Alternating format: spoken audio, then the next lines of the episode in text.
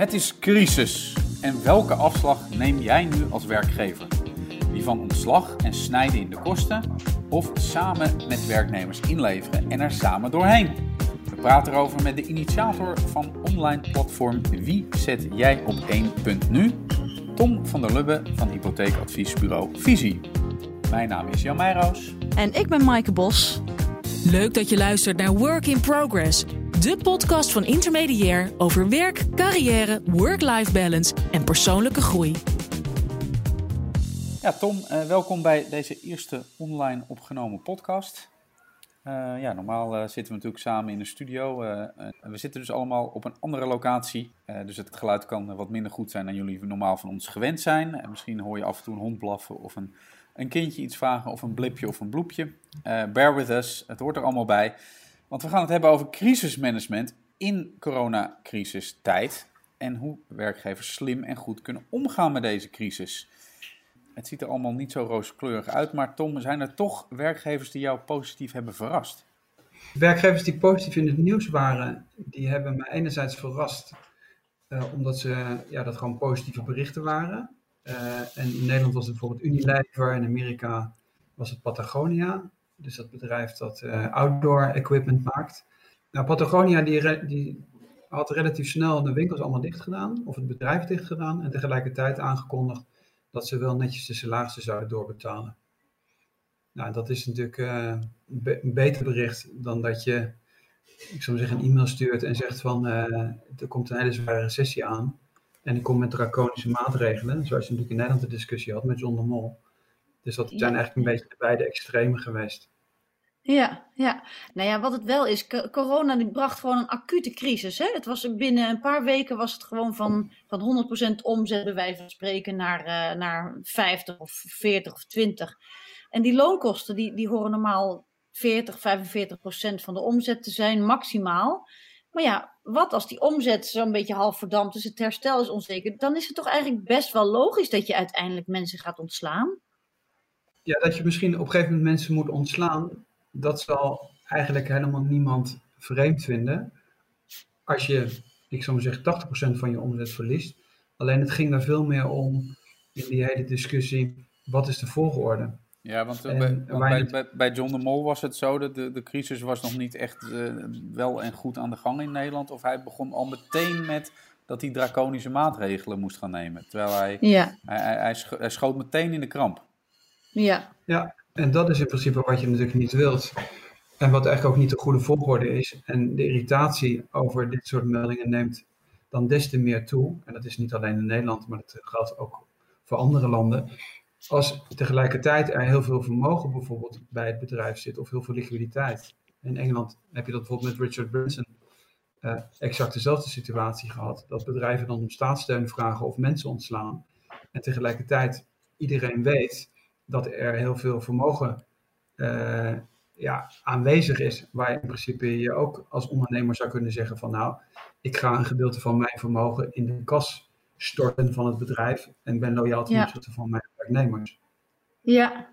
ja, dus het is ook een kwestie van solidariteit. Hè? Wat gun je de ander en wat ben je bereid zelf in te leveren? Ja, en het is natuurlijk zo dat iedereen heeft er begrip voor dat als een bedrijf een heel groot gedeelte van de omzet verliest en er helemaal geen andere mo mogelijkheden zijn, dat, dat je daar uiteindelijk niet aan ontkomt, omdat je natuurlijk wilt dat het bedrijf blijft voortbestaan. Alleen waar, het, waar het ons vooral om ging, is om te zeggen van je begint eigenlijk met het, het uitgangspunt zou moeten zijn solidariteit. En dan ga je kijken wat zijn er voor mogelijkheden. Dus als jij bijvoorbeeld 30% van je omzet verliest of 30% kosten moet besparen, dan zijn er twee mogelijkheden. Dan kun je of 30% naar huis sturen van je collega's. Of je kunt zeggen, zou het ook een mogelijkheid zijn om allemaal 30% minder te werken, zodat we geen mensen hoeven te ontslaan. Ja. En ik denk dat dat in eerste instantie het uitgangspunt is. En dan kun je van daaruit weer verder kijken of je wellicht nog intelligentere oplossingen weet te bedenken samen. Ja. Toch uh, zei minister Wouter Koolmees van Sociale Zaken, eh, die bezigde toch harde woorden, die zei, ja, er zullen mensen hun baan verliezen, er zullen bedrijven failliet gaan. Ja, eh, wie betaalt dan toch deze crisis? Wat zie jij om je heen eigenlijk nu gebeuren in het veld?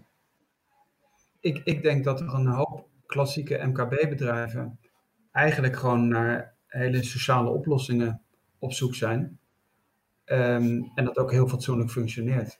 Ja, ik hoor er een beetje in dat die dan naar de socialere oplossingen zouden zoeken in plaats van die hele grote bedrijven. Corporate. Zit daar een, een verband tussen? Ja, dat, maar dat ligt denk ik gewoon een beetje in de natuur van de zaak. Dus als jij lokaal ergens MKB-ondernemer bent en je kent de mensen heel goed. Ik zou maar zeggen, je zit ergens in een, in een dorp en je ziet de mensen in, de week, in het weekend op de markt of eh, in de kerkbanken of bij de voetbalclub. Dan heb, weet je exact over wie je beslist. Dus als jij iemand ontslaat, dan weet je dat wat er voor problemen ontstaan binnen die familie of bij die werknemer.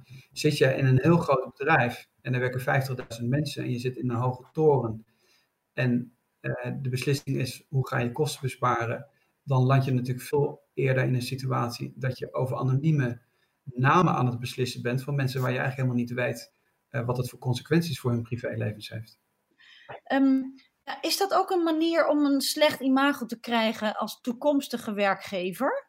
In je, wervings, eh, ja, je wervingswerk, zeg maar? Nou, ik denk in ieder geval dat in de tijden van crisis eh, ja, werkt het als een soort lakmoesproef. Hè? Dus niet alleen de mensen inderdaad die in het bedrijf zelf werken, weten dan op een gegeven moment bij wie ze werken. Hè? Want de vraag is, ja, kun je in slechte tijden kun je er van elkaar op aan? Maar dat zijn natuurlijk ook dingen waar de mensen het over hebben, omdat iedereen natuurlijk terecht ook bang is.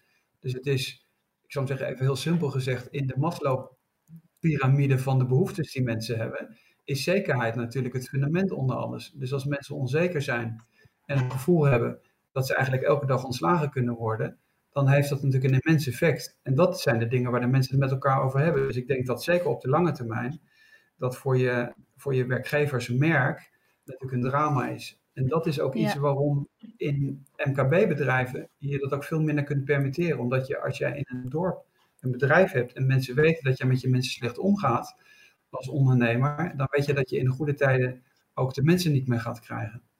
Ja. Die bedrijven die nu eh, hun sociale kapitaal loslaten, hoe komen die bedrijven straks uit de crisis? Nou, wat je natuurlijk ziet, en dat vind ik eigenlijk altijd interessant, en dat is eigenlijk ook een beetje het appel. eh, en dat is iets ook waar wij het met Great Place to Work over hebben gehad toen we dit initiatief starten. Is dat het interessante is dat de bedrijven die sociaal zijn of solidair zijn met hun medewerkers en er samen proberen uit te komen, aantoonbaar beter uit de crisis komen. Dus dat zijn de bedrijven die het na de crisis weer beter doen.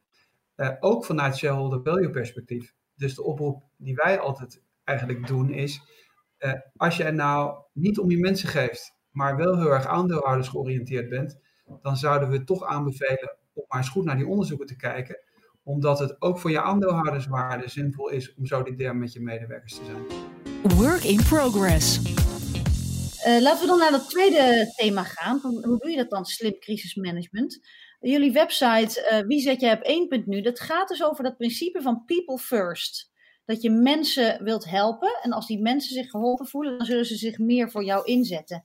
Maar heb je nog wat van die, wat zijn nou de creatieve oplossingen die je hoort, waarbij, waarbij werkgevers eh, samen met werknemers eh, ja, oplossingen zoeken? Nou, ik zou maar zeggen, het, het echte stappenplan, en daar zijn we ook helemaal niet de enige die, eh, die dat zo hebben doorgevoerd, maar dat zie je ook bij andere bedrijven, is dat het stappenplan eigenlijk uit drie stappen bestaat. Het eerste is überhaupt te zeggen dat je samen eruit wil komen, hè, dus dat je solidair met elkaar wil zijn, dat is stap één. Dus het absolute commitment, eh, zodat je Ja. die angst wegneemt. De tweede stap is dat je transparant bent over de situatie in het bedrijf. Dus hoeveel liquiditeit heb je überhaupt? En dan te proberen die kast te vullen met het idee dat je het zo lang mogelijk kunt volhouden. En dan kun je daar weer kijken van ja, hoe vul je die kas? En de derde stap is dan, als je die zekerheid weet te creëren en de liquiditeit in je organisatie hebt, dan juist te zorgen dat die productiviteit in bijvoorbeeld innovatie omgezet wordt. En dat mensen gewoon met hele productieve, interessante ideeën komen. En dat is natuurlijk wat je op dit moment in de pers ook ziet, dat er best wel sommige bedrijven heel erg geraakt worden. En dan komen ze in één keer binnen, binnen 48 uur komen ze met een heel ander businessmodel. En gaan ze bijvoorbeeld, het buurtboer schiet me bijvoorbeeld nu spontaan te binnen, die normaal gesproken lunches voor bedrijven organiseerde. En die hebben in één keer een hele model omge, eh, ja, ge- geïnnoveerd binnen 48 uur. Ja, ja ik las ook een, uh, een, in een stuk over, uh, over Swinkels Family Brewers. Dat was voorheen Bavaria. Die hebben dus niet alleen uitstel van betaling gegeven aan cafés. Maar ze komen dat oude bier dat dus niet meer opgedronken wordt, komen ze En ook het bier dat zij al in de maak hadden, maar wat niet afgenomen wordt. En de, dat verwerken ze tot alcohol om je handen mee te ontsmetten. En dat stellen ze dan weer gratis beschikbaar aan zorginstellingen. Dus dat is dan ook wel weer zo'n turn. Het is niet dat ze daar nu geld mee verdienen, maar ze maken er wel ook. Uh, ja, ze laten wel echt zien dat ze innovatief zijn en een goede naam daarmee opbouwen. Nou, wat ik zelf ook wel interessant vond, was dat uh, Randstad, die betaalt alle flexkrachten gewoon door tot eind mei. Want die, die, die, dreigen, die flexwerkers, die dreigen een beetje tussen wal en schip uh, te vallen. Tussen alle, met alle steuntoezeggingen. Hoewel daar nu ook wel weer extra steun, in ieder geval gepleit wordt voor extra steun. Maar dat Randstad dat vanuit zichzelf doet, dat, dat zegt ook wel wat over dat bedrijf. Ja, wat je in principe ziet is de twee voorbeelden die jullie nu net noemen, of het nou Swinkels is, de Bavaria-familie, of ook Randstad. Als je in dat soort bedrijven dieper gaat kijken in het DNA, dan zit er in dat DNA iets wat heel erg te maken heeft met solidariteit. En bij Randstad is dat bijvoorbeeld de oprichter, eh, agape, dat is naast de liefde, dat komt eigenlijk uit de Bijbel. Ja. En wat je in crisistijden ziet, is dat er een reflex instinctief op, op wat er in het DNA van bedrijven zit. En als dat omgekeerde het geval is, dus dat mensen er in bedrijven heel erg voor de korte termijn in zitten en alleen voor de, voor de economische optimering van het geheel, dan krijg je een andere reflectie of een andere, een andere reactie. En ja. je moet heel goed weten wat je, wat je purpose of wat je doel in de maatschappij is, om zo snel te kunnen schakelen, bijvoorbeeld als Bavaria, uh, die dan zelfs gaan nadenken, wat kunnen wij op dit moment bijdragen voor de samenleving. Dus Tom, jullie uitgangspunt bij visie is ook people first. Ja, als je zegt, we, we gaan de crisis aanpakken samen met die mensen die we in huis hebben. Ja, wat vraag je ze dan en wat bied je ze dan? Waar begint dat? Nou, wij zijn dus om die tweede stap te nemen met die liquiditeit. Eh, binnen ons bedrijf weet iedereen altijd al hoeveel liquiditeit we hebben en hoe lang we het volhouden. En vanuit die positie hebben we een aanname gewoon genomen en gezegd, als bijvoorbeeld de crisis x maanden duurt en we gaan ervan uit dat het een tijdelijke crisis is, het is geen permanente crisis in de zin van dat markten volledig gedisrupted worden, het is een tijdelijke crisis. En je zou kunnen zeggen van je houdt het bijvoorbeeld drie of vier maanden weet je het uit te houden en zonder enig probleem kun je alle salarissen doorbetalen. Dan kun je de boel ook omdraaien en zeggen is het niet een interessante situatie dat je drie of vier maanden, als we geen klanten hebben, eindelijk eens al die projecten en al die innovatie-ideeën die we hebben, dat we daar eens tijd aan kunnen besteden. Uh, oh ja. Dan kun je natuurlijk zeggen, ja, dat is allemaal makkelijk praten. Maar er zijn natuurlijk best wel veel voorbeelden van bedrijven waar veel vermogen uh, of cash of vermogen van eigenaren uh, aanwezig, is. Zeggen, aanwezig is. En waar je in, in principe exact hetzelfde zou kunnen doen. Dan wil ik niet meteen weer John de Mol erbij pakken. Alleen als je 2,5 miljard hebt, dan kun je best zeggen van nou, hoeveel kosten heb ik voor de komende maanden? Het duurde drie of vier maanden. Uh, weet je wat, ik betaal die salarissen gewoon door. Laten we eens gaan nadenken over de formaten die de komende tien jaar uh, in de mediawereld zouden kunnen ontstaan. Dus dat, dat, dat kan wat dat betreft ook. Nou, ik, wil, ik zou hem zelf scherper willen instellen. Ik vind bij, bij John de Mol echt gewoon een creatieve armoede tentoonspreiden. Ik bedoel, je ziet dat cabaretiers en andere mensen binnen mum van tijd nieuwe videoplatformen, eh, een Bo van Erven Doorns die vanuit zijn huiskamer op zaterdag en zondag uh, gewoon mensen belt en, en, en die uh, het, het, wel en wee bespreekt van, van die mensen wat gewoon honderdduizenden kijkers trekt. Uh, je, is, is, John de Mol nou degene die ons al die uh, internationale succes heeft gebracht van televisieformats en bij de eerste, best, eerste beste crisis uh, raakt de man volledig in paniek, zegt dat de mensen uit mo moeten en kan niet eens met alternatieven komen? Ik vind het echt, echt schamper gewoon. Ja. Het probleem is bij John de Mol dat hij dus zelf er helemaal zo bovenop zit, ook bij de programmamakers, en dat ieder idee bij hem getest moet worden. Dus hij doet niet hij gaat niet kijken van welke ideeën komen er van onderop en gaat maar doen. Hij geeft geen vertrouwen. Maar alles moet via hem. En als hij dan even geen goed idee heeft, ja, dan is dat best wel lastig. Dus ik denk dat er bij andere bedrijven, waar gewoon mensen meer ruimte hebben om zelf dingen door te zetten en uit te vinden, dat daar meer innovatiekracht uh, uit voortkomt. Toch, Tom? Dat zeg jij toch ook eigenlijk? Je ziet natuurlijk dat als je ten eerste die zekerheid hebt uitgesproken, dat mensen een enorm commitment hebben, omdat ze natuurlijk gewoon heel veel willen bijdragen dat, dat die crisis succesvol over, overwonnen wordt. En wij hebben bijvoorbeeld een situatie gehad, wij een uh, collega hebben die podcaster is en alle, alle social media thema's voor ons uh, doet. Die heeft bijvoorbeeld een instructievideo gemaakt voor onze collega's, hoe ze zich moeten presenteren als ze per video uh, adviseren. Nou, dat heeft helemaal niemand gevraagd aan hem of hij dat zou kunnen doen. Dus mensen komen eigenlijk in de crisissituatie met meer ideeën, maar ook gewoon vaak met heel veel innovatiethema's. Ja, Tom, het is natuurlijk mooi om, om te zeggen, we komen er samen uit, we moeten allemaal samen wat inleveren. Uh, en als we allemaal wat minder werken, 30% of 25%, dan heb, heb, je als werkgever ook minder kosten, waardoor je zeg maar over de hele linie uh, iedereen kan voor die 80 of 75% kan blijven uitbetalen. Maar iedereen heeft natuurlijk zijn eigen individuele situatie. Ehm, een, een, een, alleenstaande moeder, die kan misschien niet opeens 60% verdienen, omdat ze anders gewoon niet meer rond kan komen. En per geval is het toch, geldt toch een heel ander, ander scenario.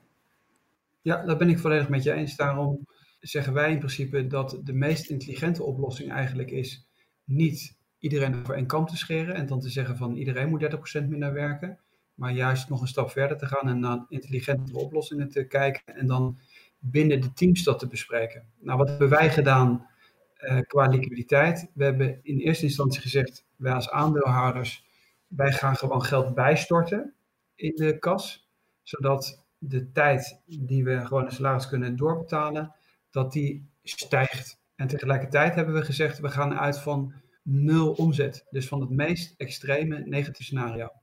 Nou, dat gaat allemaal hartstikke goed. Nou zijn die omzetten bij ons relatief hoog gebleven nog, omdat de hypotheekmarkt nog steeds goed loopt. Alleen wij gaan er nog steeds vanuit dat de hypotheekmarkt op een gegeven moment ook naar beneden gaat. Ehm, maar het creëert, het creëert zekerheid en de mensen zien automatisch dat die tijd die je kunt overbruggen, dat die stijgt. Tegelijkertijd hebben we aangekondigd dat we willen dat er decentraal over nagedacht wordt, om juist die differentiatie te hebben. Wacht even, dit is te veel jargon. Wat bedoel je met decentraal en uh, differentiatie? Nou, dat je in teams bekijkt wat mensen voor individuele situatie hebben, omdat mhm. je precies, wat Jan net zei, als je een collega hebt die bijvoorbeeld alleen kinderen opvoedt, uh, en één inkomen heeft, dan is het logisch dat die persoon niet zegt van ik ga zoveel procent van mijn salaris inleveren. En omgekeerd heb je situaties dat mensen zeggen, nou voor mij is het helemaal geen probleem. We hebben twee salarissen of ik heb net een erfenis gekregen. Uh, ik vind het helemaal niet erg om de komende drie maanden 50% te werken. Wij zijn zelf in die situatie nog helemaal niet beland, maar hebben dat wel aangekondigd dat wij daar gesprekken over willen voeren en dat wij gaan inventariseren. Wat zijn er überhaupt voor mogelijkheden? En dan kun je heel praktisch zeggen, wie kan er, uh, ik zou maar zeggen, hoeveel maanden zonder salaris? Maar denk je dat dat, want dit is natuurlijk een, echt een mooi, uh, harmonieus uh, beginsel. Maar denk je dat in de, in de praktijk mensen toch altijd naar hun eigen portemonnee kijken? Een goed recht ook, zou ik zeggen. Uh, nou nee, de praktijk laat nou juist zien, en dat maakt het zo interessant, dat dat juist wel heel goed functioneert. En uh, waar veel op dit moment over geschreven wordt in de Amerikaanse pers, omdat het, omdat het daar al zo uitzonderlijk geldt, is een CEO die Dan Price, die 40% omzet teruggang had en die die gesprekken gevoerd heeft en dat uiteindelijk opgelost werd. Maar wat voor jullie interessant is, is dat wij in principe nog veel verder zijn gegaan. Dus wij hebben een veelvoud van uh, ik zou maar zeggen, ons maandsalaris gewoon in het bedrijf gestort. Omdat we eigenlijk veel extremer wilden laten zien dat in een crisissituatie de eigenaren een voorbeeldfunctie hebben. Maar Tom, hoop je ook met, met dit, soort, uh, dit soort acties dat ja, goed voorbeeld doet volgen? Is dat ook een beetje het idee van dat platform? Nou, het gaat eigenlijk veel minder, het gaat veel minder uh, over ons en het gaat veel meer om uh, eigenlijk te laten zien dat je, als je mensen vertrouwt en informatie deelt, dus ook informatie deelt over, over de situatie van het bedrijf zelf, dat je eigenlijk versteld staat over het commitment van de mensen en ook over de onderlinge solidariteit. En op zich is dat ook eigenlijk heel logisch, omdat als jij dagelijks met iemand samenwerkt en iemands privésituatie kent en weet dat iemand bijvoorbeeld heel erg in de problemen zou komen en jezelf in een veel betere situatie bent, dan ontstaat er automatisch solidariteit en mensen gaan elkaar helpen. En dat is wat je uiteindelijk op dit moment ook gewoon in de samenleving ziet. Dat mensen briefjes ophangen en, en boodschappen doen voor buren waar ze normaal gesproken nauwelijks contact mee hebben. Dat is wat in een bedrijven gebeurt. Ja. En dat is nou juist zo belangrijk. Dus het enige wat we eigenlijk willen zeggen is, als jij nou een hele radicale maatregel op een gegeven moment moet nemen, geef die mensen wat mij betreft 24 uur de tijd om in hun eigen team misschien met veel intelligentere oplossingen te komen waar je zelf toch helemaal niet aan gedacht had. Work in progress. Als je goed crisismanagement toepast nu, dan pak je straks de winst. Uh, afgezien van geld uh, kun je natuurlijk ook nog uh, veel andere dingen doen. Hè? je ziet dat mensen nu opeens virtueel een vrijdagmiddagborrel houden. Zijn er nog andere tips en tricks die jij wil meegeven? Wij zien dat zelforganisatie en vertrouwen bij de mensen in crisissituaties immens voordeel heeft. Omdat je gewoon weet dat de mensen dingen oppakken. Dus dat zou mijn allerbelangrijkste tip zijn voor de lange termijn. Denk na over meer zelforganisatie. Ja. Nou, er zijn natuurlijk ook bedrijfstakken die gewoon echt stilstaan. Hè? Een horeca, je hebt een restaurant, je hebt uh, acht uh, medewerkers, een kok. Ja, hoe zorg je dat je daar met elkaar uh, op die manier solidair blijft? Want ja, wat, wat ga je doen? op een gegeven moment is je dat restaurant wel een keer schoongemaakt en, en dat muurtje geschilderd. Nou, ik denk dat je natuurlijk, als je de meest extreme situaties hebt, uh, dan is dat natuurlijk vaak een hele droevige uh, conclusie. Omdat je als een stukje omzet voor 80 of 90 procent wegvalt, ja, dan op een gegeven moment houdt het natuurlijk ook op. Ja. Uh, dat, is, dat, mogen, dat mogen ook duidelijk zijn. alleen, alleen, ik denk nog steeds dat alleen al het feit dat je met elkaar het gesprek zoekt en zegt: Dit is de situatie die we nu hebben, transparant wat hebben wij samen voor ideeën, uh, dat dat nog steeds veel beter is dan uh, wat je bijvoorbeeld ook afgelopen week zag bij Beurt, dus die stepjes, dat in een, in een Zoom-call van, ik geloof, twee minuten 300 mensen ontslagen werden. Ja, oh, wat erg. Ja. Dat was, dat was in Amerika dan, uh, neem ik aan. Ja, ja, ja, wat ik dus merk bij uh, het bedrijf van mijn man is dat hij heeft dan geprobeerd om de, de huur, hij heeft bijvoorbeeld uh, nou, hypotheken, maar ook een één huurpand. En heeft hij geprobeerd om die huur, om daar korting op te krijgen. En dan is die verhuurder wel bereid om uh, een deel uitgesteld te laten betalen. Maar minder betalen, dat zit er dan weer niet in, weet je wel. Dus dat is toch wel, mensen die kiezen ook wel voor hun eigen portemonnee. Als je niet, als je niet samen in een onderneming zit, maar je bent gewoon een andere ja, andere stakeholder. Dat wil niet zeggen dat iedereen altijd maar gewoon water bij de wijn. Daar zit je wel mee als horeca-ondernemer. Ja, dat begrijp ik. Wij kregen een uh, brief of een e-mail van een verhuurder waar wij van huren. En die zei van, nou je hoeft, de komende maand hoef je geen huur te betalen. Uh, alleen voor ons is op dit moment de liquiditeit belangrijker dan de kosten. Dus wij hebben omgekeerd contact opgenomen en gezegd van nou, dat vinden we hartstikke sympathiek dat we die ene maand huur niet hoeven te betalen. Maar wij zouden, de, wij zouden er als bedrijf meer aan hebben, de huur wel gewoon te betalen uiteindelijk.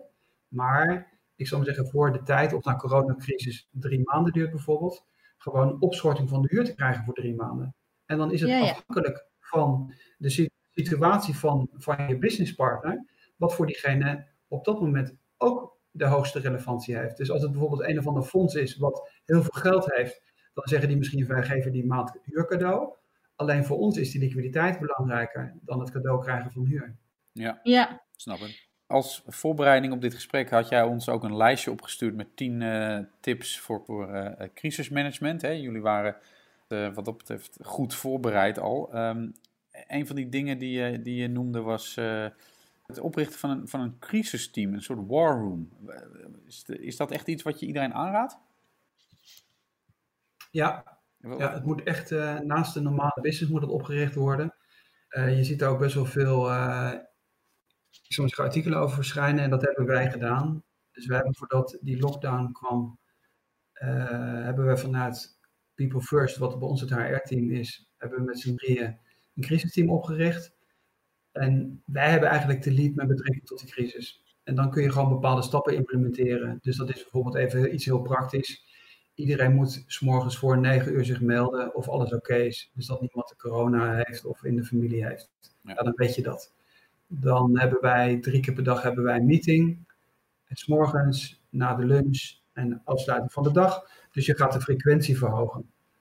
Dan ga je communicatie verhogen. Dus wij doen één keer per week in ieder geval een town hall. Die wordt ook opgenomen. Dus als mensen niet kunnen, kunnen ze naar de hand terugluisteren. Omdat je namelijk die fysieke kantoorsituatie niet hebt, waar je veel meer contact met elkaar hebt, is, is communicatie nog belangrijker. Maar denk je niet dat uh, op het moment dat uh, als deze crisis straks weer voorbij is, of in ieder geval gedeeltelijk uh, versoepeld wordt, dat mensen denken van ja, hoor eens, we hebben net die crisis gehad, ik, wil me, ik wil weer business draaien, ik ga nu echt niet een crisisteam oprichten. Of denk je dat gewoon dat, dat, dat die rekening dan extra duur betaald wordt bij de volgende crisis? Nou, je moet eigenlijk gewoon zo'n soort draaiboek moet je in de la hebben liggen. Omdat je weet dat na een uh, periode van voorspoed altijd naar de hand weer een recessie komt. Ja. Dus als je het hebt over bijvoorbeeld de financiële situatie van de, van de organisatie, dan moet je met meerdere scenario's werken. Dus dan heb, moet je een scenario hebben klaarleggen waar je 20% omzet verliest. Dan moet je een scenario hebben klaarleggen waar je 40% omzet verliest, waar je misschien 60% omzet verliest. Uh, maar het heeft ook mee te maken van hoe reageer jij in principe op uh, simpele situaties als wat doe je als notebooks uitvallen. dus we hebben bijvoorbeeld bij de mensen allemaal een reserve notebook afgeleverd. Nou, dat zijn allemaal dingen die allemaal vanuit het crisisteam zijn ontstaan. Dus dan ga je nadenken, wat kan daar eigenlijk voor de rest nog fout gaan? En als je zo'n notebook bestelt, hoe lang duurt het voordat je, als je die online bestelt, dat die überhaupt van, ik zal maar zeggen, bij de juiste persoon dan voor de deur afgeleverd wordt? Uh, en dan ga je de frequentie van je meetings ga je verhogen. Dus wij bijvoorbeeld als crisisteam drie keer per dag een meeting, maar dat hebben een hele hoop teams binnen onze organisatie ook. Omdat je niet meer naast elkaar in een kamer zit. En dan is het belangrijk te weten van ja, hoeveel werk ligt er eigenlijk bij mijn collega? Nou, dat is makkelijk als je drie keer per dag een kort belmoment hebt van een kwartier. Waar je zegt van hé, hey, moet ik nog iets overnemen van jou? Of uh, ik heb te veel, kun je me helpen? Uh, dus dat is een andere manier van werken. Dus je hebt een hoge frequentie en je hebt meer communicatie nodig.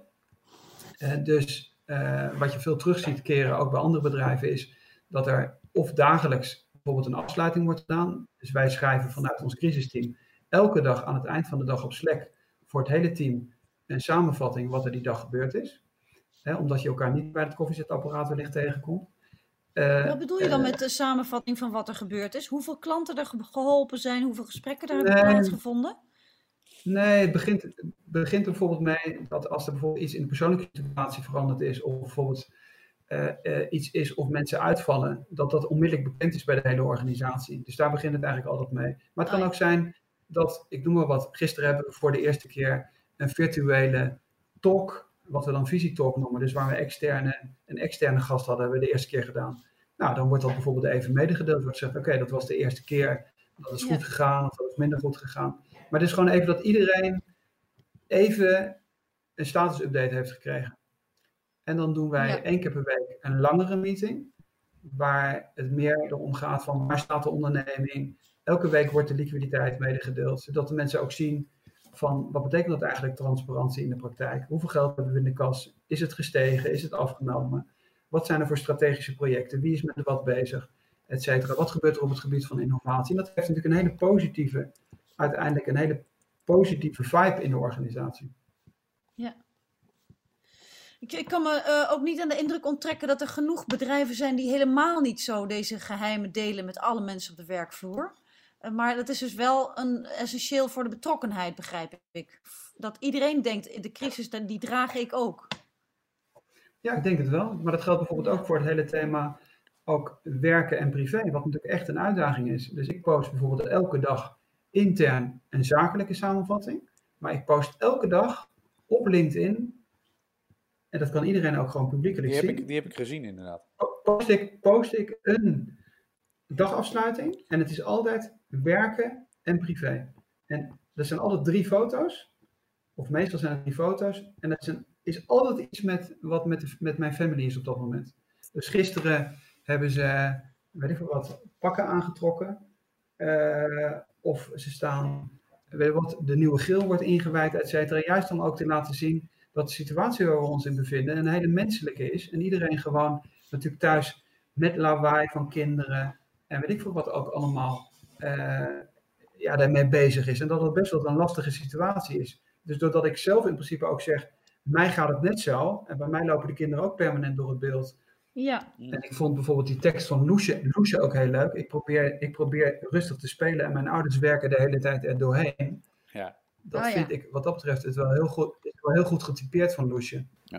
Nou, Ja. ik, ik moet zeggen, ik vind het lastig hoor, eh, werk eh, en eh, privé thuis. Maar so Ja. far so good. Ik vind het wat, dat- wat dat betreft ook hoor. Ik, vind, ik ben blij als we allemaal weer naar kantoor kunnen. Het, Weet het je, is een, dagje, een thuiswerken is oké, maar niet permanent. Ik vind het pro- grootste probleem je concentratieboog. Dat je de hele tijd andere mensen en hun eigen bezigheden moet begeleiden, andere kinderen dan. En dat je niet even een paar uur gewoon aaneengesloten zonder storen kan werken. Vind ik moeilijk. Ja, dat doe ik dus s'avonds en s'nachts. Ja. Ehm, als we nu straks eventjes voorbij de crisis kijken. eh, is het dan zo dat het goed zijn voor je mensen, dat dat nu het, nu, dat dat het ultieme wervingsgeheim is voor straks? Ja, dat denk ik wel. Maar ik denk ook dat er een reflectie moet plaatsvinden wat eigenlijk eh, welke relevantie heeft. En ik denk dat je dat in een crisis ziet. Iedereen ziet in één keer in de crisis dat het eh, om solidariteit gaat. En als er geen crisis is, dan vergeten we dat heel erg. Maar Ja. als er geen crisis is, dan gaat het ook om solidariteit. En nu staan we te applaudisseren voor de verplegers en leraren. En we komen er in één keer achter hoe moeilijk de baan van een leraar is. En ik denk dat we tijdens normale tijden dat hopelijk ook niet vergeten. En eens wat, ja, wat fatsoenlijker met de mensen omgaan die daadwerkelijk de relevante beroepen hebben. Want nu is er een lijst op de website van de overheid wat relevante beroepen zijn. En we staan te applaudisseren op het balkon. Maar dat zijn de mensen die normaal gesproken ook op de intensive care afdeling werken. Ja. ja, ik hoop ook dat die gewoon serieus eh, eh, betere arbeidsvoorwaarden krijgen. Dat die daarin gewaardeerd worden. En niet alleen een t-shirt met een rood hart voor de ramen en een beetje applaus. Het gaat om echte waardering van de publieke sector ook. Ja. Klopt. Ja, ik wil jou dan eh, bedanken, Tom, voor deze eerste e-podcast bij Intermediair. Het klinkt een beetje wennen hè, af en toe. Leuk dat je luisterde naar deze work in progress in crisistijd. Tot de volgende aflevering.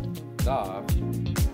Dit was Work in Progress, de podcast van Intermediair. Check voor meer informatie over dit onderwerp intermediair.nl.